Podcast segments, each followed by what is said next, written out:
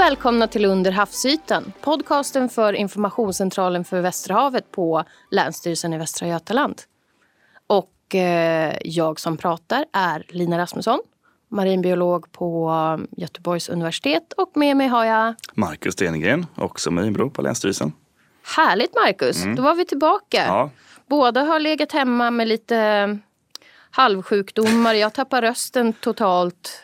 Man hörde i förra avsnittet att det var lite rossligt. det är den Eh, tiden på året, ja. inte minst. Men nu är vi här la, precis lagom till jul. Ja, nästan. Det är ju sista avsnittet för säsongen och året blir det ju. Precis. Och vad har vi för avsnitt idag då?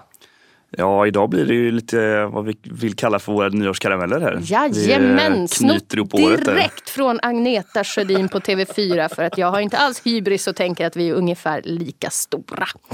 Havets Eh, motsvarighet. Ja, men precis. eh, ja, men lite allmänt. Året som gått. Mm. Hur har ditt år varit? Det har varit ja, förvånansvärt lugnt skulle jag vilja säga Ja. att det var. Lite nästan lite oförskämt lugnt på infocentralen i år. Mm. Men eh, sen tittar jag ju vad vi har sammanställt för, för program för dagen så att säga. Och det är ju ganska mycket grejer faktiskt som Ja. har hänt även om det inte varit någonting som vad ska man säga, hands-on som vi har fått tagit oss an egentligen. Nej, det har varit ett spännande år har det varit. Även om det här då är nyårskarameller eller årskarameller så känner jag lite att vi har väl lite strukturen idag med nästan som små julhälsningar från tidigare eh, folk eller personer och projekt som har varit här och pratat. Så vi får en liten uppdatering på vad som har hänt. De kommer ju inte komma hit i person utan det är vi som får presentera. Och det ser jag ju lite som en, som en sån här äh, återblick eller tack till eh, ja, men jularna som man har haft då när, när det har suttit Arne Weise sitter där i, i, i fåtöljen och egentligen kanske det var Disney då om man nu får nämna Disney sån här Ja, det får man. Det får man. Alla vet vad det är. Ja. Ehm, nej, men såna här små julkort och sånt där. För Arne Weise är ju faktiskt en av mina stora jag vet inte om jag ska kalla honom förebilder. Men eh, han är en av anledningarna till att jag är biolog faktiskt. Oj, det var, den vill jag höra lite mer om. Ja, för att eh, jag är ju då ett barn av 80-talet och eh, under min uppväxt så, så, så satt man ju där på heltäckningsmattan bredvid brorsan vid, vid storbilds, eller storbilds-tvn. Det kan ni ju bara fetglömma. Det var ju en sån här tjock-tv. Ja, precis. En storbild åt andra hållet. Eh, och då var ju mitt bästa program Ett med naturen. Och då var det Arne Weises härliga stämma som tog oss med runt hela planeten. Och jag tänkte redan då när jag var liten att det där vill jag göra. Jag vill åka runt och jobba med djur och naturfrågor resten av mitt liv. Och det har jag ju gjort. Så tack Mm. jag. Arne. Ja. Jag, jag tänker på dig ganska ofta. Och du är ändå min, min lugnande röst här i eh, en kall värld. Ja, men ikonisk röst. Jag tänker för de som Ja. inte är ett barn av 80-talet då, så kanske han till och med skulle kunna säga att han var lite av eh, den, den motsvarighet, svensk motsvarighet till David Attenborough på den fronten med den här rösten som alla känner igen. Ja, ja men faktiskt. Så att eh, Arne Weise, eh, icke glömd. Ja, nu har han fått en shoutout i Ja, eh, podden också. Precis. Men det tycker jag han förtjänar så här i juletider. ja, men det är klart att eh, annars har inte du suttit här nu. Helt klart. Nej, det hade jag nog faktiskt inte. Eh, men eh, tillbaka på mattan med eh, Mm. Hur, året som gått i havet. hur har du haft det då? Ja, jag har ju haft eh, Det är ju som alltid i mitt liv. Det är ju fullt ställ rakt in i kaklet. Eh, mycket forskning, mycket undervisning. Otroligt givande, jätteroligt. Men imorgon åker jag på semester. Och det blir en veckas radiotystnad känner jag att jag verkligen behöver nu. Välförtjänt. Ja, men, eh, nej, men jag är pepp för 2024. Kände vi fick festis på jobbet i eh, fredags. Känns som en liksom... de, de har börjat satsa inför nästa år. En att- festis alltså? Ja, Ja. flera festisar. Jag Ja. tror jag drack fyra bara för att Ja, passa på. Liksom. Så nej, jag ser fram emot 2024. Mm. Och jag ser tillbaka på 2023 med eh, glädje. Ja, jag håller med. Vi har haft ett väldigt bra både samarbete och utbyte. Du har varit här och jag har varit hos dig på universitetet också. Lite undervisning och annat. Så att, ja, Ja, det har varit suveränt och det är otroligt kul att man kan fortsätta med de här över gränserna, eh, samarbetena mellan myndighet och ja, en annan myndighet, då, men universitetet. Mm, det är lite an, en annan värld om man säger så. Ja. Och det är ändå bra på sitt sätt att forskning brukar ju vara lite mer rock'n'roll oftast Mm. i de här kretsarna där folk vet vad det handlar om i alla fall. Och myndigheten. Men vi har pratat om det lite stelt och lite tråkigt kanske. Men Mm. det inte alltid är så. Och att vi där har ett väldigt bra samarbete tycker jag. Mm, nej, det är super. Och det fortsätter vi ju givetvis med nästa år. Mm, på alla fronter. Men om vi kastar in, oss in på en av de grejerna som faktiskt var ganska tyst om på informationscentralen Ja, det var det. av eh, olika anledningar. Men det var ju den här rackaren Valdimir. Ja, Vitvalen. Ja. Och det var ju, jag, jag tror ju det är få som har missat den här grabben som var runt. Utan det var ju en vitval då som var och hälsade på i olika hamnar. Och han var ju nästintill tam och, och hämtade grejer till folk och var ju som en hund där. Men det gick ju också rykten om att han var någon typ av tränad Spionval. Ja, spionval visst. från, eh, från, från, från östliga vatten. ja. Eh, Men ni valde att köra lite locket på där. Ja, inte- ja det var väl Lite kanske halvt. hårt. Vi, Ja. vi rapporterade inte så mycket om det. Det var så himla mycket skriverier om det. Så vi, Ja. Om någonting försökte vi nog snarare vara en, liksom en liten motpol till den här hypen som blev. För det, vi, vi med flera såg kanske att det var ingen fördel att, att det var en så stor hype kring den här valen. För, att just för att det är ändå ett, ett vilt djur. Mm. Även om man hade vissa tama beteenden och även en del tränade beteenden kunde man ju också se då. Så att han, eh, det var en hel del jobb som, som pågick bakom kulisserna i det här.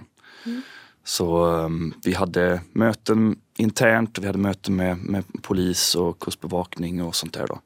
Eh, för att ja, men lite grann eh, lugna ner situationen och att, att folk inte skulle vallfärdas för att se den här valen. Då. Mm. Nej, för vi hade ju lite samma situation 2022 där med, med valrossen Freja som var att eh, folk tappar ju lite rim och reson ibland. Om, och det är ju förståeligt, det är ju hur fascinerande som helst att se ett sånt här stort äggdjur komma från arktiska vatten.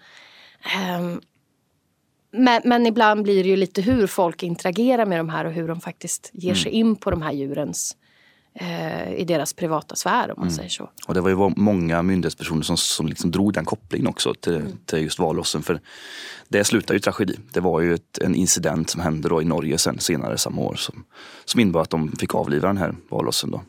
Och man såg ju den risken även med Valdimir. Då. Men eh, Valdimir, vad, vad gör han idag? Ja, han simmar tillbaka till Norge. Det Där gjorde han han. kom ifrån. Ja. så senaste uppdatering så, så var han fortsatt på väg norrut. Men eh, som, det kan ju ändras. Menar, som sagt, det är ett vilddjur. Och de vatten han simmar i, det, det är ju stora ytor. Och han kan ju simma väldigt långt, uppenbarligen. Då, så han var ner till eh, Göteborgs hamn och innan han vände och simmade norrut igen. Så att, eh, det var en hisklig resa. Men det, det har varit ganska bra år för valar och delfiner i det stora hela va? Ja, det har varit eh, väldigt mycket. Även i Östersjön har jag haft en hel del eh, sällskap och, och eh, då besök av större valar. Inte, eh, inte de små varianterna ofta som vi får här. Men jag tänker på delfiner och tumlare och så som vi ofta ser och hör om i Västerhavet. Så att det har varit lite av varje. Men som vanligt då så det var ju, jag tror det var för ett eller två år sedan, kanske två år sedan, då var det ju väldigt mycket med späckhuggare i Västerhavet och det kändes som att det var lite, lite nytt då. Ehm, I år har det egentligen varit ganska mycket med späckhuggare också. Det har, varit en hel del observationer men det var inte lika nytt och spännande i år eftersom det har liksom varit så här då, tre år i rad nu. Men, eh, men det förekommer fortfarande. Det gör det. Ja. Nej, man hörde ju det med späckhuggen att det var någon närkontakt nere i Hunnebo strand. Vad, vad hände Det då? var, just det, det var den här, den här valen som hade tagit sig väldigt långt in. Ofta så, så observeras de med de säger, utomskärs en bra bit ut eh, till havs då, mellan Danmark och, och Sverige. Men den här hade tagit sig in i Hunnebostrand, alltså i de grundområdena där inne. Och det kändes inte naturligt på något sätt. Då. Och det visade sig att den här valen var ju, mådde ju inte så bra heller. Så att den, den spolades upp död lite senare, tyvärr. Men det blir också ett, ett gigantiskt ståhej kring det här. Och det, det understryker återigen bara att vi, vi människor måste sansa oss lite grann när det gäller interaktionen med de här stora valarna och marina djuren och, och liksom inse att vi måste hålla lite avstånd även om det är superspännande. Och att de kanske i viss mån söker upp oss så, att, så måste vi lära oss att, att hålla lite avstånd och, och vara den liksom det är djuret med lite reson i det här då helt enkelt. Mm. För att eh, i slutändan så drabbar det oftast djuren men det är klart det kan hända incidenter även för, som kan vara farliga även för människor. Mm. Sen, inte ett avsnitt utan brugd säger jag. Nej, det är viktigt. det är viktigt. Det, det, det är sen gammalt. Vi får snart göra om vår logga här nu så vi får ha en, en brugd den istället. Ja, jag skulle ju, ja det är ju drömmen. Men eh, där har vi ju faktiskt sett brugd hela vägen ända utanför, liksom, utanför Stockholm. Såg man i år. Så att eh, det är också ett sånt liksom att vi, vi, ser inte bara de här stora, stora djuren på västkusten utan nu var det den här då gigantiska fisken som, som även hade tagit sig upp till Stockholm. Så det var ju mm. en... Eh, ja, jag kan ju inte säga att det var en fantastisk sak att se för jag var ju inte där. Men, men för de som faktiskt fick se det. Mm. Och, och jag hade ju den stora äran att, att, att få åka med som en sån här scientific advisor på ett projekt i Skottland. Och där är det just ett sånt ställe där, givetvis inte när jag var där, men annars där brugden samlas liksom och man brukar se hundratals eh, vid ytan där som, som samlas för att le, leka. Säger man det om hajar också? Ja, kanske man gör. Ja, det kanske man gör. Ja, det, var en det är en fisk.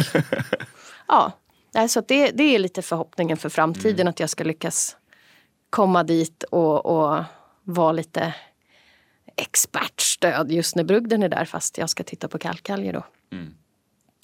Sen hade vi en, en rasande trevlig historia som jag sprang på när jag gjorde lite research just på hajar. Och det här handlar inte om Sverige överhuvudtaget men, men, men det är ett problem man har sett på vissa platser i Florida. Kokainhajarna. Det här låter ju liksom som att man är på någon nattklubb på 80-talet i, i, i, Stockholm, liksom, runt Stureplan där.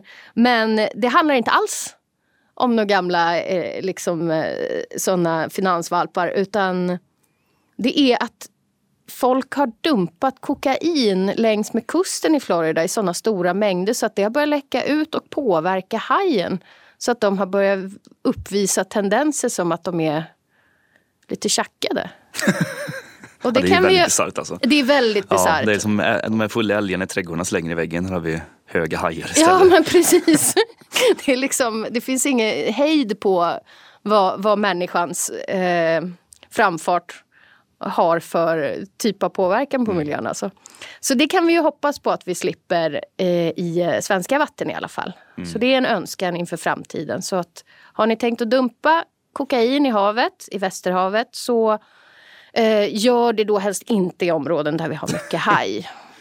Och det kan ni ju kolla på Artportalen till exempel vart vi har ja, haft precis. mycket sites, sightings av haj. Ja, på tal om det, det var alltså en liten koppling till den här döda eh, späckhuggaren i Hundbostrand. Där, det var ju, man kom ju fram till att eh, tänderna var väldigt nedslitna på den, det var därför den hade dött. Då. Och det var just att den hade troligtvis käkat haj för deras hud är ju väldigt sträv. Mm. Slitit ner tänderna i förtid på den. Så att ja, Eh, kokainpåverkade späckhuggare, det, det skulle man nog inte det vilja ha. Det blir nästa steg. Ja precis. Jag tänker det, med tanke på vad som hände i Medelhavet då med de här eh, incidenterna och attackerna på fritidsbåtar där nere från späckhuggare ja. så känns det som en ytterligt dålig kombo. Det här kanske är en hypotes att det, arbeta ja, vidare precis. på. Men samtidigt då händer i Florida, då kan det hända, det kan hända vad som helst. Ja i och för sig, det är väl eh, stället av ställena. eh, vi kanske ska ta ett litet sånt här julkort. Eller mm. vad man ska säga från en av våra tidigare medverkande. Vem tänker vi då? Vi tänker framförallt på, på SLU-forskarna va? Ja, Tonfisken. Petter och Gustav. Mm. Så de har ju varit ute nu eh, slutet av augusti fram till början av september för att märka tonfisk. Och det var ett tipptopp-år. De har märkt 41 tonfiskar. Eh, och då var det 22 i Skagerrak och 19 19 i Öresund. Oj. Och det som de tyckte var väldigt spännande är att de fick upp de största exemplaren de någonsin har fått upp. De har gjort det här sedan 2017, började den här märkningen. Mm. Men också de minsta exemplaren. Vilket då innebär att det ser ut som det börjar bli en föryngring eller i alla fall att mindre fiskar också kommer ja. till svenska vatten. Så det är ju superspännande. Ja, verkligen. Det är ju verkligen en framgångshistoria hela den här biten. Ja, det är, Det fantastiskt. Och kul också, vilket jag inte var medveten om, att de ändå har hittat så pass många fler där, eller märkt fler i just Skagerrak jämfört med Öresund. Då. För att det var ju mycket, när det skrevs mycket om det här, och det gjorde du i med den här märkningen såklart, eh, i alla möjliga typer av, av mediekanaler. Men då var det i princip uteslutande Öresund det handlade om. Så att kul också att det var mycket Skagerrak uppenbarligen då. Här, och det projektet har ju också då med märkning, har ju jobbat med att märka hårkärring. Den här hajen som vi pratade om i hajavsnittet. Och då märkte de 20 stycken. De har också märkt eh, pigghajar. Och sen eh, småfläckig rödhaj eh, för Havets hus då. Så att det är ju sådana som föds upp på akvariet och släpps ut. Så kan de följa dem sen och se vad som händer. Så det har ju varit ett riktigt framgångsprojekt för i år. Så Ja, att eh, vi eh, väldigt glada för deras skull och för, för havets skull och hoppas att de får samma framgångar nästa år. Ja, det hoppas vi verkligen. Den trenden pekar ju skarpt uppåt. Vi fortsätter, hoppas de fortsätter med det. Helt enkelt. Och när vi ändå pratar om, om eh, hajar och stora djur, Lina. Vi har en liten hälsning från Sjöfartsmuseet också, från Björn. Ja, men ja. Eh, för att när vi var och hälsade på där på Sjöfartsmuseet så hade de ju inte fått in sina hajar. Men nu har de ju släppt två hajar i sitt stora akvarium och det är ju sån svartfenad revhaj är det. Så de har två stycken som är syskon och de har då fått namnen Heidi och Vega. Och då var det Love, sju år, som vann tävlingen för att ha döpt ena hajen till Heidi. Alltså Kul. då stavar vi Heidi. Det tyckte jag var fyndigt. Så bra jobbat Love, sju år. Och också hela gänget där på, på Sjöfartsmuseet. Mm, det är kul att se att det går framåt för dem också. Ja men super. Och det är ju som vi pratade lite om i det avsnittet att jag är ju där ganska ofta för att kika på hur, hur det liksom byggs på i akvarierna under tid. Och man ser redan nu att det har börjat växa på inte bara i det stora korallakvariet utan också i de andra eh, lite mer, vad ska man säga, svenska biotoperna. Så ja, än en gång, fantastiskt ställe. Jul, eh, jullovstips. Gå dit och kika för då är man ju väderskyddad. Så det. Ja. och är ju under ytan där det är som bäst. Ja, det är bara att titta ut genom fönstret nu och se att man hellre är där än utomhus Ja. i detta här. Exakt. Eh, vi knatar vidare och det här är ju något som du har lite mer koll på. Jag vet Ja. att du har nästan till tagit på dig Sherlock Holmes eh, detektivhatten Ja, här. Och det handlar om feeling. räkdöden i Gullmarn. Ja, det var ju en grej som dök upp ganska, ganska nyligen då. Det var nog bara, vad kan det ha varit, en månad sedan? Eh, knappt drygt någonting sånt. Och vi skrev faktiskt ingenting om det här från Infostrandens sida. Det var lite grann sådär, ja men eh, vi, vi eh, gjorde det här bakom kulisserna så att säga. En liten grävning. Och det var faktiskt ganska många personer på Länsstyrelsen inte minst som var inblandade i det här men även SMHI. Och det var ju spännande för vi, vi fick ett litet tips och det gick ut i media eh, och då via Havets hus som var först på plats och, och kikade på de här döda räkorna, det var krill då, som hade spolats upp på en strand inne i Gullmarn. Eh, väldigt mycket också. Jag hade aldrig sett så här mycket krill, död krill på samma ställe förut och det var många med mig som inte hade gjort det också. Så att då vill man givetvis veta vad är det som har hänt här egentligen. Vad, är det någon naturlig orsak eller har det blivit ett utsläpp av någonting eller vad, vad har de dött av egentligen? Eh, oftast är det ju de första tankarna är nästan alltid går till det, ja, det måste ha varit ett utsläpp. Men det är klart, vi vill ju först och främst ta reda på att, om det faktiskt är sant eller inte. Och of- som oftast, som jag har sett under mina år på Länsstyrelsen, så, så är det sällan det beror på det. Eh, och om det beror på utsläpp så brukar det i regel vara ganska uppenbart. Men man vill fortfarande liksom ändå ha hängseln i livrem lite grann och veta med säkerhet. Så att de hade spolats i land i alla fall. Vi fick eh, en kontakt från, från eh, Havets hus. Eh, Statens veterinärmedicinska anstalt hade varit på plats och tagit prov. Eh, vi var i kontakt med dem och eh, de hade lovat att komma tillbaks med då ett provsvar på om de kunde se någonting, vad de hade dött av. Det har de tyvärr inte gjort än. Så att den här hela, hela konklusionen av den här historien väntar lite grann på det här sista, den så kallade obduktionen. Då, utav de här. Ja, precis, krillen då. Men det finns en teori då, vi har en, en, en arbetsteori kring vad som har hänt. Eh, och vi har pratat lite grann med SMHI De har ju ett eh, team med fantastiska experter där. De jobbar både med plankton och även med, med ozonografi, alltså hur vattnet rör sig. Um, och vi har ju längst in i Gullmarn har vi en ganska stor älv, vi har Örekilsälven. Eh, och vi hade ett, ett väldigt specifikt väder just då som vi trodde kanske kunde bero på det här. Och det, det hintas lite grann om det också i medier om vad det skulle kunna handla om. Att det kanske var någonting med, med just hur det hade blåst och hur vattnet hade rört sig. Då.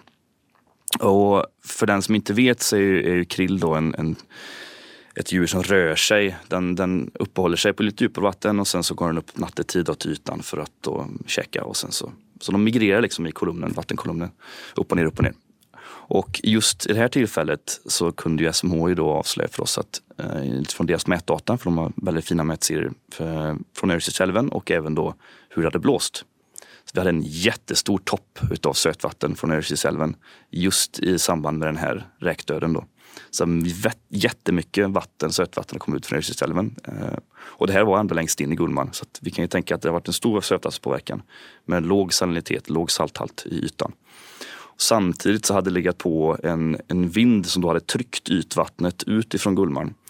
Eh, och sen då tryckt upp nytt vatten från botten som då troligtvis var syrefattigt. Oftast är det lite sämre syre i bottenvattnet. Så vi, vi får liksom en kil utav vatten väldigt hoptryckt där krilling eh, då helt enkelt klarar sig. Så att underifrån kom det en dödsorsak, ovanifrån låg det som ett lock, en annan dödsorsak. Så att däremellan var den här stackars krillen då. Så det var det som var arbetshypotesen eller arbetsteorin kring vad som har hänt egentligen. Så att vi får se om SVA kan ge oss någon, någon liksom slutlig eh, svar på exakt vad de dog av. Mm. Nej, och sånt är ju, det är ju väldigt viktigt för krill är ju, eh, ja det är ju en av basförnödigheterna i, om man säger så, i de marina när, näringsvävarna. Mm. Det är ju djurplankton eller vad man ska säga istället för växtplankton som också är en av grundbultarna. Mm. Så går det illa där så går det ju illa i resten av systemet. Ja precis men det verkar i alla fall som att det här var en, en isolerad händelse. Ja. ja men vad gött. Mm. Då får vi hoppas på att ni får något spännande. Ja, väldigt spännande. Så att vi ja. tänker att vi gör en uppdatering kring det nästa år när vi får svar. Det låter ju mm. toppen. Och om vi ändå pratar om saker som rör sig. Alltså jag menar plankton kan ju... Krill kan ju röra sig av egen maskin. Men sen har vi olika typer av maneter och så som är vårt största typ av plankton räknas de ju som. Mm. Nu snurrar jag till det lite. Nej, nej, men det är absolut inte. Det, vi går neråt här i storleksordningen. Här ja. så att vi... men, men jag tänker att eh, vi har ju olika typer av maneter då mm. som har kommit in och hälsat på. Mm. Som kanske inte är så vikt eller så vanliga i våra vatten. För det är ju som vi har nämnt förut att maneter kan ju inte röra sig för egen maskin. Och därför räknas de som ett plankton. Egentligen kanske inte våra största plankton för vi har ju också snackat om klumpfisken. Ja. Men, men, men, men nu, ska jag, nu, nu, börjar jag känna att jag börjar tappa... Vi, vi lämnar systematiken tänker jag, för ja, det är ingen sån här eh, hjärtefråga för mig heller. Vi, vi lämnar den och pratar om ja. de här olika typerna av maneter som mm. har dykt upp. Och det är ju ingenting som egentligen är första gången eller superunikt, men det har varit ganska mycket om två olika varianter i alla fall, eller mm. arter. Och då har vi först den här bidevindseglaren och den är ju eh, en väldigt... Alltså den, den ser ju väldigt fantastisk ut. Den har en väldigt eh, lysande blå färg. Mm. Men... Eh, och den är ju då en främmande art. Vi vet ju fortfarande inte, den räknas inte som invasiv, alltså att den har en, en negativ påverkan på, på ekosystemet. Men den, den, den, är lite spännande att folk har sett. Den är inte farlig för oss människor. Däremot så är den väldigt nära släkt med den portugisiska örlogsmannen som är en av de värsta maneterna vi har. Ja, den är inte trevlig alls. Nej, för den är ju stor och kan ju ha tentakler som är hur många meter som helst. Jag vet inte om det är uppåt 40 meter eller något sånt där. Ja, sånt. Som bränner något no, no, no gröndjävulskt. Så de är ju samma, samma släkte där i alla fall. Och sen så har vi också haft då, som, som är något som händer just nu, nu på vintern, eh, senhösten, tidiga vintern här nu, så har vi haft de här eh, trassliga havs, trassligt havssnöre kallas den. Och det blir ju då som en koloni av en jättelångt, nästan som en lina av... eh, av Fyndigt. Nej, ibland så. Jag har ändå bott i, i Göteborg i sex år Ja, snart. det märks. ja, men en sån långt trassligt, ja, som ni hör av namnet, trassligt havssnöre. Mm. det, det är nästan som att man simmar in i, i en jul girlang Ja, av brännande maneter. För att den bränns. Ja, Eh, och det har varit ganska mycket av det i år. Och det är sånt som de faktiskt har varnat vinterbadare att håll utkik. mm. och den biofluorescerar också. Så att den, den avger ett ljus. Så att det blir verkligen så här lite juligt. Och Ja, för att hålla det nog. på jultemat här. Eh, och sen hade vi också, det, det vet jag att vi hade mycket rapporter om när jag jobbade på informationscentralen. Eh, långmunsmeduserna, Ja. Sarsia. Kan du Ja. säga något om det? Ja precis, det var ju, det fick in ganska mycket rapporter om det och den, alltså den är ju inte heller ny egentligen det avseendet och den är inte heller främmande för den finns i våra vatten naturligt. Men för det mesta är den bottenlevande, den sitter alltså fast på botten. Men på vårkanten så släpper den här då sina medusor, alltså det är då vattenlevande stadiet i den här livscykeln som det här djuret har. Ehm, och de är inte så stora, det är några centimeter bara alltså, över klockan liksom, själva den här som manetliknande strukturen. Då. Och eh, just i år så kom det in väldigt mycket rapporter och, och eh, det är egentligen inget konstigt med det utan det är lite av, ett vårtecken nästan. Att ja, men nu, nu är det vår liksom, nu, nu kommer nu blommar sarsian. Ja, precis. men de ser ju lite otäcka ut, kan göra. Och sen framförallt då i de här områdena där vi tidigare hade problem med klängmedusan. Det kanske man fortfarande har, men det var väldigt lugnt om det i år. Den här som otäcka främmande arten som, som brände ganska rejält kring framförallt då Tjörn Orestområdet. När man ser såna här då som kan vara svårt att identifiera och se lite snarlik ut. Att man tänker, oh shit, är det klängmedusan nu igen? Men det var det då inte, utan det var det sarsia, långmunsmedusan. Ja, ja. Mm. Men eh, om vi fortsätter lite med eh, gå vidare från de här främmande till faktiskt främmande invasiva arter. Ja, vi hade någon sån också. Så har vi ju en liten ja, lägesrapport, en liten julhälsning från Anna Dimming, våran eh, expert på invasiva arter här på Länsstyrelsen. Ja, som har varit med eh, oss två gånger i alla fall. Både på mjukbottnar och på invasiva arter. Ja. Och hon dyker säkert upp under 2024. Det skulle inte förvåna mig om hon hittar på något nytt hon är expert på. Jag, jag anar lite av en sågning där. Jag Nej, riktigt. jag skojar bara. Jag vill jättegärna ha Anna här. Jag är bara lite rädd att jag får sparken från min, min, min plats. Nej liksom, då, att hon det, tar över. Det kan vi lova Lina att det, det kommer inte hända. Men hon har haft mycket att göra i alla fall. Det Ja, vad är det Anna har eh, haft som mest körigt med i år? Ja, vi, ja, filtsjöpungen. Den har vi ju pratat om förut, Mm. Ja. eh, minst sagt. Och det har ju varit problematiskt. Och det var ju uppe vid Koster den dök upp. Och eh, sen dök det upp ytterligare en sjöpung som man kallar för eh, lädersjöpungen. Och då kring Lysekilsområdet. Så det har ju varit hektiska veckor när man upptäckte den här då. Mm. På bryggor utanför Lysekil.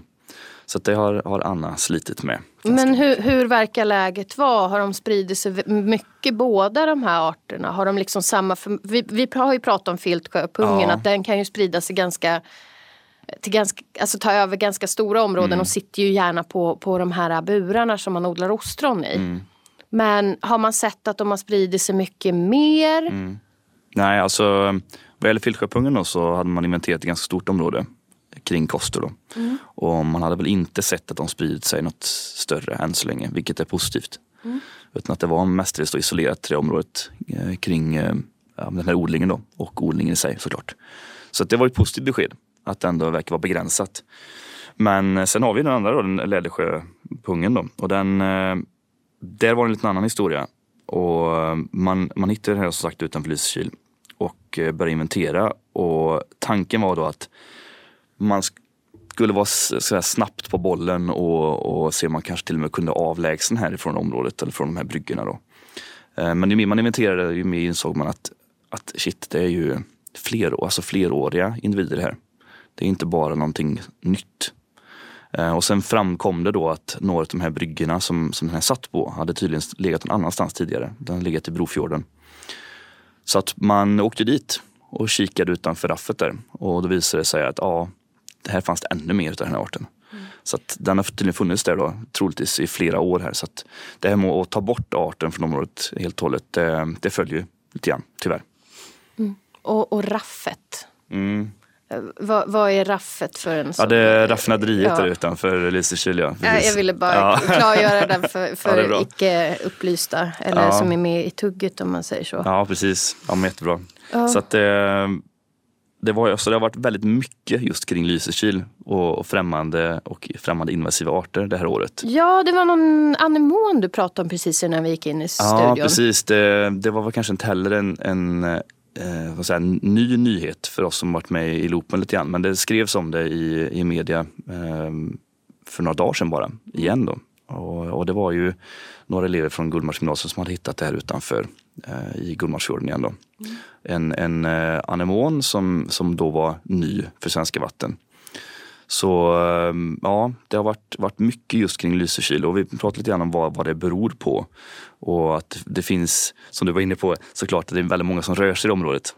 Och det bidrar ju såklart. Ja. Det, Eh, Alltså, det är ju, för det första ligger ju en, en av de större dykklubbarna ehm, på västkusten ligger Mm. ju Lysekil och sen har vi ju Kristinebergs marina centrum. Mm. Vi har ju SLU har ju en station där också, alltså Sveriges lantbruksuniversitets, deras Ja. havsfiskelabb ligger ju där. Vi har det här gymnasiet, eh, det marina gymnasiet och jag menar det är ju de som nu hade rapporterat om den här gulstrimsanemonen. Men också var det ju de ungdomar därifrån som hade hittat eh, den här dumpningen av pigghajar och rocker som vi rapporterade om förra året. Så att, ja. det, det är ju många som är ute och, och rör sig där. Men det finns ju också andra anledningar för att det ligger ju i närheten av Gullmarn, alltså Gullmarsfjorden, som är en eh, unik miljö för Sverige. Har du några andra teorier varför det är så?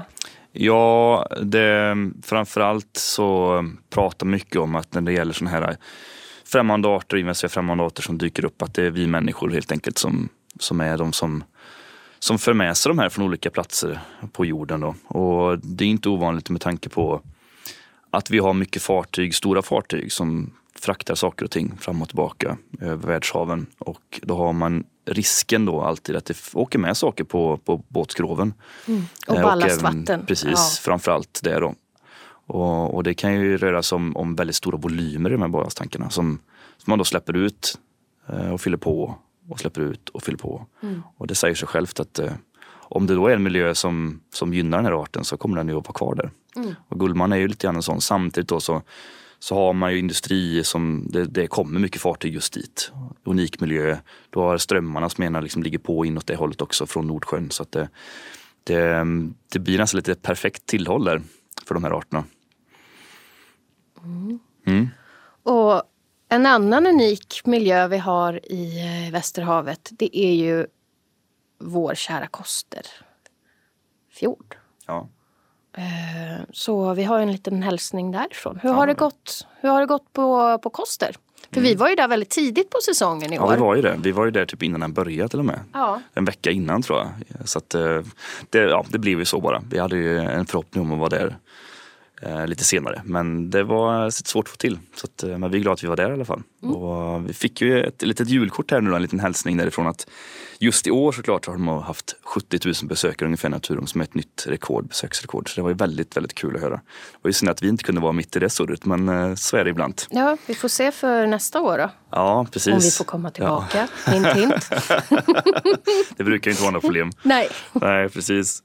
Ehm, och sen också en liten hälsning från, från Anita Tullroth upp att de eh, är på gång nu och sätter ut de här artificiella reven som vi pratade om där. Ja, för kallvattenskorallerna. Ja, precis. Ja. Eh, med mer och mer. Så de tillverkas just nu då eh, i, i lite större skala och ska sättas ut under 2024. Så det, det rör på sig där också. Och det är också ett väldigt spännande flerårigt projekt som eh, vi kanske kan återkomma till någon gång. Ja, nej, jag har faktiskt en student just nu som skulle göra något projektarbete inom okej. det. Så att, eh, det verkar vara mycket spännande saker som händer. Verkligen. Ehm, ja, och sen har vi ju haft ganska mycket mareld i år. Du pratade ju om bioluminescens förut för, Ja, på de här trassel... Eh, trassel Ja, nu har jag glömt bort vad de heter redan. Det var ju länge sedan. Trassligt havssnöre, havssnöre. Men våra kanske mest kända bioluminescerande organismer här på västkusten det är ju ändå marelden. För det är ju något som fascinerar oss varenda år. Ja, verkligen. I och med det här att det, det, det blir det här fantastiska glittret i havet. Mm. Men eh, så det har vi fått mycket rapporter om, om kvällstid. Mm. Men jag har också själv då som har varit ute mycket den här sommaren sett att varit, man har sett det väldigt mycket på dagtid också. Och då är det ju mer som en ru, rödbrun sörja. Ja. Och det är ju lite senare på sommaren man ser det som gärna flyter in mot kusterna. Och Många undrar vad det här är och om det är någonting farligt. Och det är ju inte farligt men det ser ju inte jätte, eh, jättehärligt ut. Liksom. Nej. Men det är, ser man sån här liksom brun röd sörja i sådär, vad är det, början av augusti? Ja, Augusti och sen någonstans. egentligen hela vägen fram till ja, men, vintern egentligen Ja. i vissa år. Beroende lite på hur varmt det är i vattnet.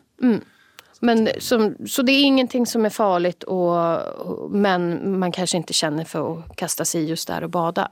Nej, precis. Det vi brukar kalla det för, för eh, marint sågspån. Det är väl någon som har dumpat massa sågspån i vattnet. Det var en smart liknelse faktiskt. Ja. Ja. Och det, och det är ju dinoflagellater kallas de. Väx, Mm. ja, det, det faller ju. Nu är vi på systematik igen. Jag ska inte grotta in oss i det nu. För det är, precis. så här, är det en växt eller är det ett djur? De, ja, Ja. de ligger någonstans mitt emellan där. Men och nu är det faktiskt måndag morgon, bara en och en halv kopp kaffe inför Rasmusson. Och det, nej. Vi lämnar det. Men det, Ja! har, varit, det har varit mycket om just, just uh, Mareld i alla fall. Och till och med SMHI hörde av sig till oss och sa att eh, det här hade varit kul att göra någonting mer utav. För det var väldigt mycket rapporter som kom in. Inte minst från allmänheten. Vi har ju så ständigt, då, det har varit inne på förut och pratat om, att vi får in rapporter då från miljöövervakningen som SMHI genomför. Och de kunde ju se såklart i deras vattenprov att det var mycket Mareld. Men även att det var väldigt mycket eh, privatpersoner som hörde av sig och sa att här har vi Mareld. Och det är väldigt spännande. Och det var mycket Eh, oftast brukar det vara i de inre fjordarna har det varit tidigare år. Eh, och, och nu var det även väldigt mycket i just Gullmarn. Där kanske inte vi har fått så mycket rapporter åtminstone. Men just då var det en hel del därifrån och jag vet hus skrev om det också. Så att, eh, väldigt kul. Och det är ju sånt ni kan tänka på ni som lyssnar att eh, informationscentralen för Västerhavet de tar ju gärna emot eh, observationer av spännande grejer helt Både ena enkelt. andra, Både det ena och det andra. B- Vare sig du är dykare och, och är under ytan eller om du är på stranden och hittar någonting. Vare sig du har frågor eller om det bara är någonting som du tycker är allmänt spännande så, så kan man alltid höra av sig. Så Mm. absolut. det, det är lite kul för då har vi ju en viss typ av inofficiell miljöövervakning på något sätt. Mm. Så, men, men du var inne på SMHI här. Eh, alltså, där har du ju fått andra rapporter har jag hört. Ja. Om, om eh, pseudonychia. Ja, Kan du förklara lite vad är pseudonychia? Varför ska vi bry oss? mm. Eh, det, det är kör en, Marcus. fritt spillrum.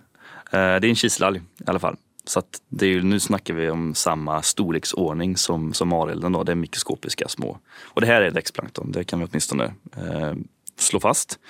Och den, den, det är då som de här Kiselalgen som bygger de här fina glashusen. Så de har väldigt intrikata strukturer i sina cellväggar så att de är väldigt fina att titta på. Men just den här arten då, eh, de kan blomma upp i väldigt stora mängder. Och även i vissa avseenden, då, eller vissa situationer producera ett gift. Som då ger, om det då skulle ansamlas i musslor och ostron eh, som vi människor som äter, eh, är något som kallas för amnesiframkallande skaldjurstoxin. Som vi blir väldigt sjuka utav. Och det kan vara väldigt, väldigt farligt. Eh, och eh, vi hade då åtminstone ett, kanske till och med två tillfällen beroende på om vi kollar på Bohuslän eller Halland. Det här var ju liksom egentligen hela västkusten som vid något tillfälle hade väldigt, väldigt, väldigt mycket av Nietzsche. Ehm, och, ehm, så vi gick ut med varning om det här. Så tack och lov så blev det ju ingenting mer utan att vi har ju egentligen två olika tröskelvärden för det här. Du har dels just för hur många celler utan här eh, finns i vattnet men även då hur mycket gifter det finns. Så att vi såg egentligen ingen giftproduktion men vi såg att det var väldigt mycket ute just den här arten. Och det är ju lite problematiskt där för att en del tycker då att ja, men ni ska inte skrika varg liksom, hela tiden för det kommer ingen varg. Men den dagen det väl händer någonting då vill man gärna ha sagt någonting innan. Så att, och det här är en, en vetenskap som är lite svår. Man, man vet inte riktigt när de här faktiskt producerar ett gift och varför de gör det. Det finns teorier kring det. Exempelvis att ja, men om någonting betar på dem, och det låter ganska logiskt, om någonting försöker checka upp dem så avger man ett gift. Men, men vi vet inte riktigt och det är säkert någonting som skiljer sig från art till art. Då. Ehm, så att, men i det här fallet så, så blev det inga gifter som tur var. Men att det var väldigt, väldigt mycket just Srebrenica.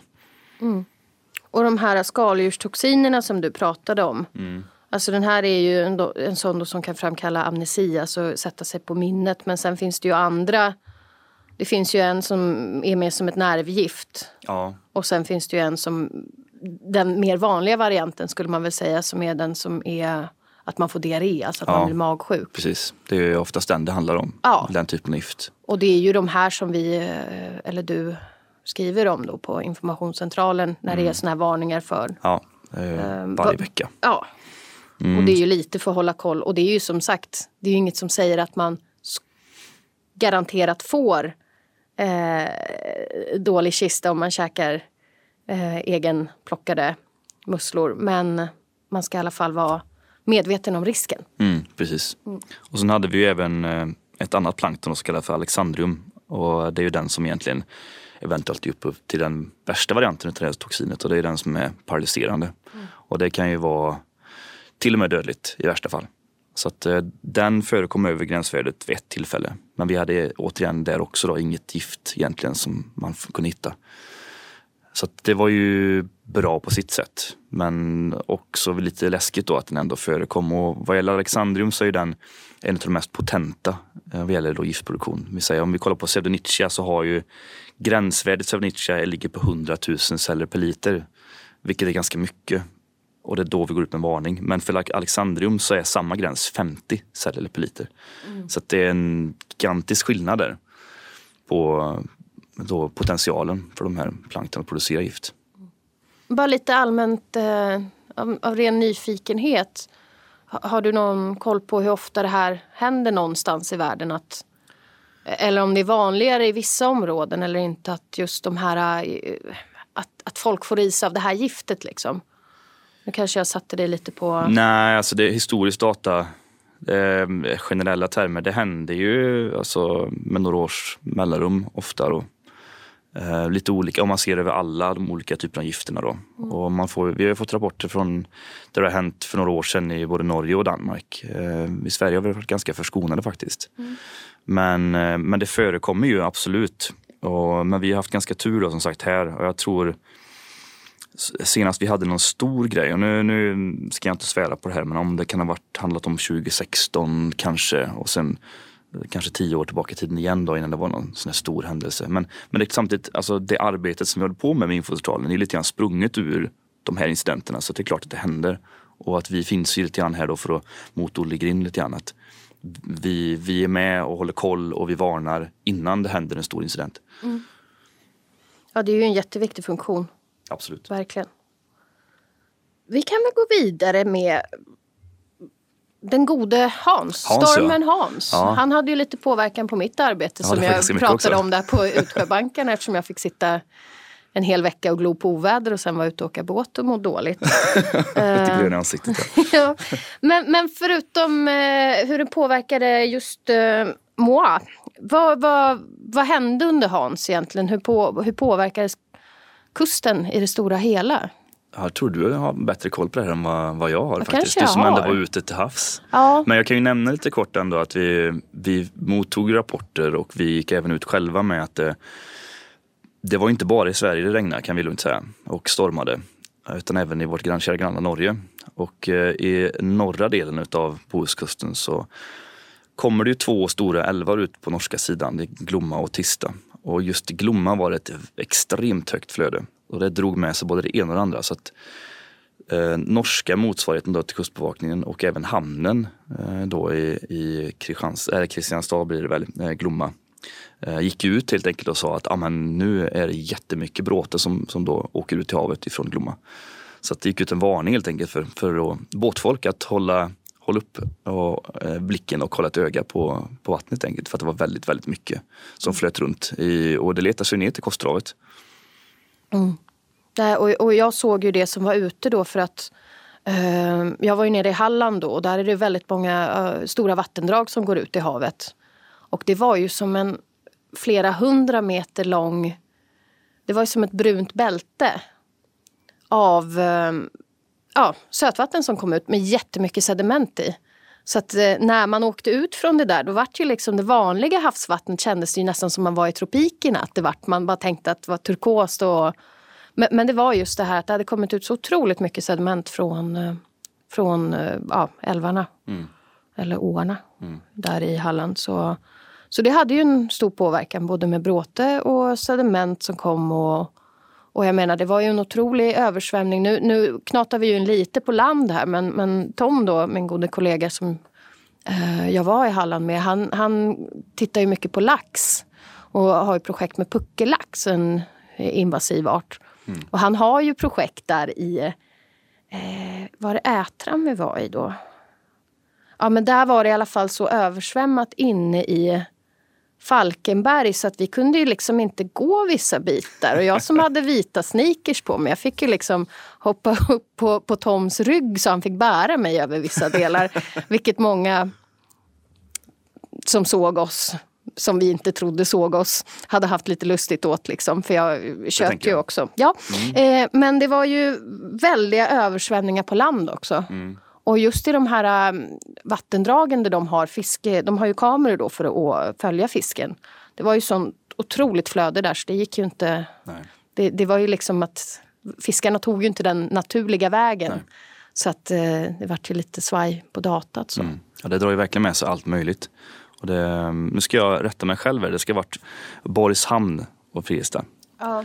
Uppe i, i Norge. Och det, vi, vi, när vi var i, på Koster så pratade vi lite grann om just att man kan se till och med i vattnet där hur, hur då Glomma eh, har upphov till vattenkvaliteten i Kosterhavet. Och det var ju samma sak nu egentligen. Man nästan kunde se den här brunifieringen som blir, det blir mycket sediment och så som, som åker med. Så det, ja, det var mycket där uppe då. Och, och när vi ändå pratar om det, för det här har jag fått lite frågor om också. Det blir ju gärna sånt här havsskum. Och det kan man ju se lite när som egentligen. Nu vart det ju extra mycket nu när det piskades runt så mycket i vattnet. Men, men havsskum i det stora hela. Kan du nämna lite om det, det här när man bara ser att det skummar lite mitt ute på havet? Mm. Vi fick faktiskt in lite frågor om det eh, tidigare år och det, oftast så har det ju just med, med väder och vind att göra. Men även vad som finns i vattnet. Och eh, of, som oftast ska jag säga så är det olika typer av organiska föreningar som ger upphov till det här.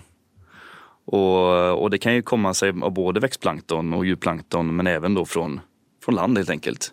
Från olika växtdelar eller annat men även från kanske tång och sånt i den grundare delen utav, av eh, eh kustbältet. Och eh, oftast så när det liksom ligger på en, en typ av vind på ett sätt så, så ser det verkligen, verkligen artificiellt ut. Det ser ut som att det skulle komma exempelvis som ett utsläpp från ett fartyg eller liknande. Men vi hade ett tillfälle då, då vi fick ett rapporter om det här, om det var kring Stenungsundsområdet. Men då var faktiskt eh, Kustbevakningen ute och tog prov på det här. Och det visade sig att det inte var det. Att det var ju naturligt då. Men det ser lite suspekt ut många gånger. Och det är ganska vanligt förekommande i båthamnar. Eh, Och då är det också kopplat till or- organiska föreningar, men då kanske från tvättmedel. Man tvättar sina båtar och sådär istället. Så att, eh, men som oftast är det organiska föreningar från ja, men växtplankton, växtdelar och annat. Mm. För där kan det vara ett ämne till exempel som heter saponiner. Ja. Och där hör ni ju, sapon är väl det är ju tvål Ja, på precis. massa olika språk. Så det, det är ju liksom det ämnet som finns i många växter, havsväxter och landväxter. Som Mm. Vi drar nytta av för Ja. löddereffekt. ja, exakt. Ska vi ta ett nytt litet jul? Ja, det blir bara ett sista Kort, julkort va? Ja, en liten julhälsning. Och ni som var med oss på Västerhavsveckan. Nu, nu tappar jag helt. Heter det Västerhavsveckan? Ja, visst. Ja. Ja. Det är inte Som bara var- jag som är förvirrad idag. Nej, nej men jag, jag, jag, jag, vet inte var jag hamnade någonstans nu. Ja men vi var ju där, inte nu i somras, men eh, sommaren 2022 när vi var ute med Kvartsita. Då hade ju vi ett litet snicksnack med Karl Johan från Universitetet. universitetet och han jobbar ju för Hav och samhälle. Det är den hubben där med, med eh, jobb. Och de, han pratade ju mycket om de här marina kolonilotterna som eh, börjar bli ett, eh, ett försök att se om vi som privatpersoner kan eh, odla våra egna grödor i havet. Blir nya marina bönder. Ja. Vad, vad, vad har Karl Johan sagt? Har du... Eller ska jag snägga? Jag sitter ju nästan sitter vägg ju, i ja, vägg precis. med Karl Johan på jobbet liksom. Så jag kanske ska säga något. Ja. Ja. Nej men där är det ju att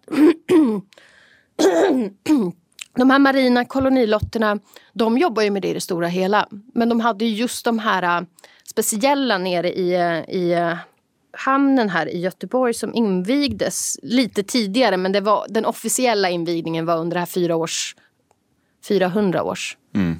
Jubileet Göteborg, ja. för Göteborgs stad. Eh, och eh, den eh, marina kolonilotten som ligger där nere, den kallas då för Flytevi. Som också var ett sånt här namn som har blivit framröstat. Jag tyckte det var jättefint. Ehm, men ja. Det har varit så mycket göteborgskt här idag. Ja, Ja. men eh, ja. Eh, så där har de i alla fall nu startat så de har olika typer av tång. Sockertång bland annat och eh, havssallad som växer där på snören. Och det ska ju utvecklas det här och de har börjat utveckla mm, program ihop med skolklasser så de ska kunna komma un- under nästa år då och lära sig att vara havsbonde för en dag eller havskock för en dag. Och sen har man också sett att det här har börjat sprida sig till andra delar av Sverige. Så att det, det känns ju som att det här kanske kan få en liten uppsving med marina kolonilotter. Så att det är något vi väntar med spänning på att se vad som händer i framtiden också. Absolut, väldigt kul. Mm. Det låter ju inte dumt heller. Så? Sockertång och havssallad. Ja, det är väldigt, väldigt gott. Jag har ju lagat mat med alger i så många år och ah, det är toppengrejer man kan hitta på. Alltså bara man har lite fantasi och, och, och smaklökar. Ja, och Karl Johan brukar ju bistå med egengjorda grejer också varje gång det är någon, Ja. något event. Ja men precis, Ja. så det, finns, eh, det finns mycket gott att äta från havet. Så att Mm. Det, det är väldigt bra om, om folk kan få det mer tillgängligt och lära sig det faktiskt. Absolut. Nu börjar det vara lite sådär, äh, ja. Nu har vi redan avverkat det här avsnittet. Jag får knyta upp det här. och, och det är som vi säger vartenda avsnitt att det här kanske inte blir så långt. Eh, men alla avsnitt behöver ju inte vara så långa. Eh, så har vi ju nu faktiskt eh, dragit ut det ganska långt. Men jag Det var många julkort var det. det var Det det, var- Mm. och det, var, det är mycket som har hänt under året. Det har det. Som alltid. Men bara sådär... äh, sista grejen, Marcus. Eh, har du något favoritögonblick från det här året som Mm. gått här på inspelningarna? Ja, det är, ju, det är ju svårt att inte tycka om att vara på Koster alltså. Det var Mm. ju och det är just att vi körde en liveinspelning där. Det var ju, alltså uppslutningen om man säger så var ju inte gigantisk. Det var inte jättemånga som hittade dit just den dagen. Nej. Men eh, det var ändå förbaskat kul att få gjort den här liveinspelningen eh, med hela happeningen runt omkring och vi satt inne där på Naturum och, och körde våran grej och vi hade med oss eh, vår eminenta Anders i studion som filmade och eh, vi fick en liten heldagstur ut eh, till Naturum där de tog emot oss med varm hand så det var riktigt bra tycker jag. Och sen får, måste jag också nämna avsnittet här med tonfisken. Ja, Såklart. de är ju lite av mina... Alltså, man har ju en liten glädje i hjärtat för norrländska män med flanellskjorta. Det är ju liksom, det är liksom så... Ja. Och, och dessutom att de svär mer än vad jag någonsin kan. Det tyckte jag var vackert på något sätt. Så att, dubbelt upp också. ja, Ja. så jag, jag känner lite att det var, det var nog... Det var bra. Jag har ju aldrig träffat Gustav förut men det är alltid härligt att få hänga med Petter. Han bor lite för långt ifrån tycker jag. Men, men alla gäster som vi har haft här vill man ju bara tacka och ta emot för att de kommer och Absolut. pratar. Och, att, och för mig är det bara en glädje att få vara kvar här och komma in och snicksnacka och ha hela grejen. Så att jag, jag tycker det mesta har varit jättekul. Och sen så, eller ja. Jag är ju en sån som tycker det mesta är jättekul. Men, men, eh, men ändå, jag ska inte ta ner det på, på någon sån nivå. Men, Nej, nej. men jag tycker att det har varit ett bra år. Det, det börjar kännas som vi har blivit varma i kläderna. Mm. Jag har ju lyssnat tillbaka på några avsnitt precis från början. Där, där det låter lite stolpigt och eh, eh, så, sådär. Men det, Det kännas... kommer inte jag ihåg. Nej, Nej i och för sig, jag det- har inte lyssnat på någonting. Jo, Nej. jag tog modet till mig att lyssna på ett avsnitt du har gjort. Ja, det är stort av dig. Ja, visst är det. Men eh, ja. Jag känner så här att vi, vi har tänkt att vi skulle prata lite löst om planen 2024. Kanske inte behöver säga så mycket. Nej, jag säger bara att vi säger bara att vi återkommer 2024. Vi kommer ha spännande utflykter, gäster. Mm. Ibland är det bara jag och Markus som sitter och snackar. Och som sagt, vi har alltid vår eminenta producent Anders med oss som vi vill tacka jättemycket och Pia, vår kommunikatör. Bara så att de får en liten god julhälsning. Också. Ja. Precis. Så, eh, Förutom riv- dem, ingen podd. Nej, precis. Så river vi av en säsong tre 2024. Det gör vi. Och med det så vill vi önska alla en god jul och ett gott nytt år och god fortsättning. Adjökens. Hej!